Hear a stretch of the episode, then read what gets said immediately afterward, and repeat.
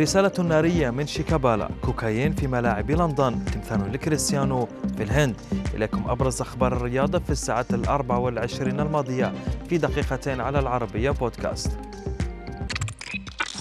وجه نجم الزمالك المصري عبد الرزاق شيكابالا رسالة نارية عبر حسابه على تويتر لإدارة الزمالك معتبرا أنهم خانوا الأمانة على حد قوله بعد تلاعبهم ببنود عقده. هذه التغريدة أثارت ضجة كبيرة بين جماهير الزمالك وحتى لدى بعض اللاعبين السابقين في النادي والذين أبدوا تضامنهم مع قائد القلعة البيضاء.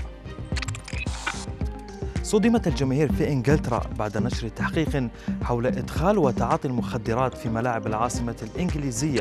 هذا التحقيق انطلق بعد نهائي كأس أوروبا وتم بعدها اكتشاف حالات مماثلة في ملاعب أرسنال وتوتنهام وتشيلسي حيث التقطت بقايا المخدر في مدرجات الملاعب وبعد إخضاعها للاختبار يتحول السائل إلى اللون الأزرق. نبقى في إنجلترا حيث كشف لاعب أستون فيلا كورتني هاوس عن محاولة لاختطافه.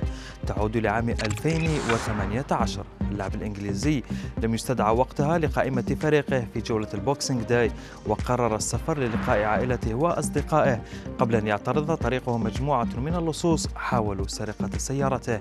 كما تلقى ضربة بزجاجة على رأسه ونشر هاوس للمرة الأولى هذه الصور التي التقطها بعد الحادثة مباشرة.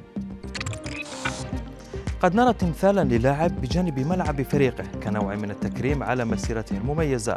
لكن في الهند صنع تمثال لكريستيانو وهو يبعد عنه نحو 9000 كيلومتر. ولاية جوا رأت بأن تنصيب تمثال لرونالدو سيكون محفزا وملهما للجيل القادم.